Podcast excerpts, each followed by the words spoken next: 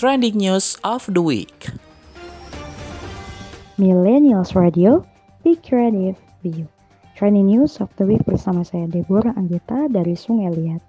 Berita berikutnya berasal dari saya, yakni 25 kampus tujuan beasiswa LPDP dengan presentasi penerimaan tinggi. Beasiswa LPDP atau Lembaga Pengelola Dana Pendidikan adalah salah satu program beasiswa yang ditawarkan oleh pemerintah Indonesia untuk membiayai pendidikan pelajar Indonesia yang akan berkuliah di dalam maupun luar negeri.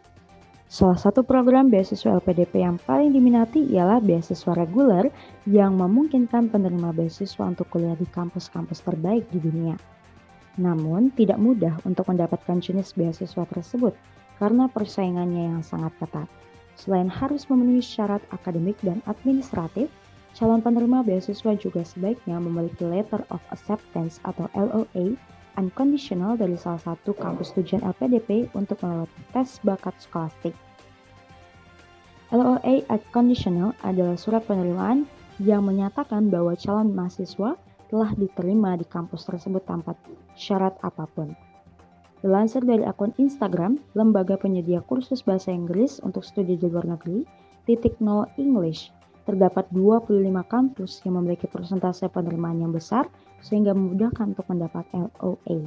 Di antaranya, University of Oregon, Pennsylvania State University, Iowa State University, Colorado State University, Miami University Oxford, Indiana University Bloomington, Ohio University, South Dakota State University, Purdue University, University of Nevada, Arizona State University, Michigan State University, Mississippi State University, University of Maryland College Park, University of Exeter, University Melbourne, University of Otago, University of Adelaide, University of Hudson, Technological University Dublin, University of Reading, George Washington University, University of Auckland, University College London, atau UCL.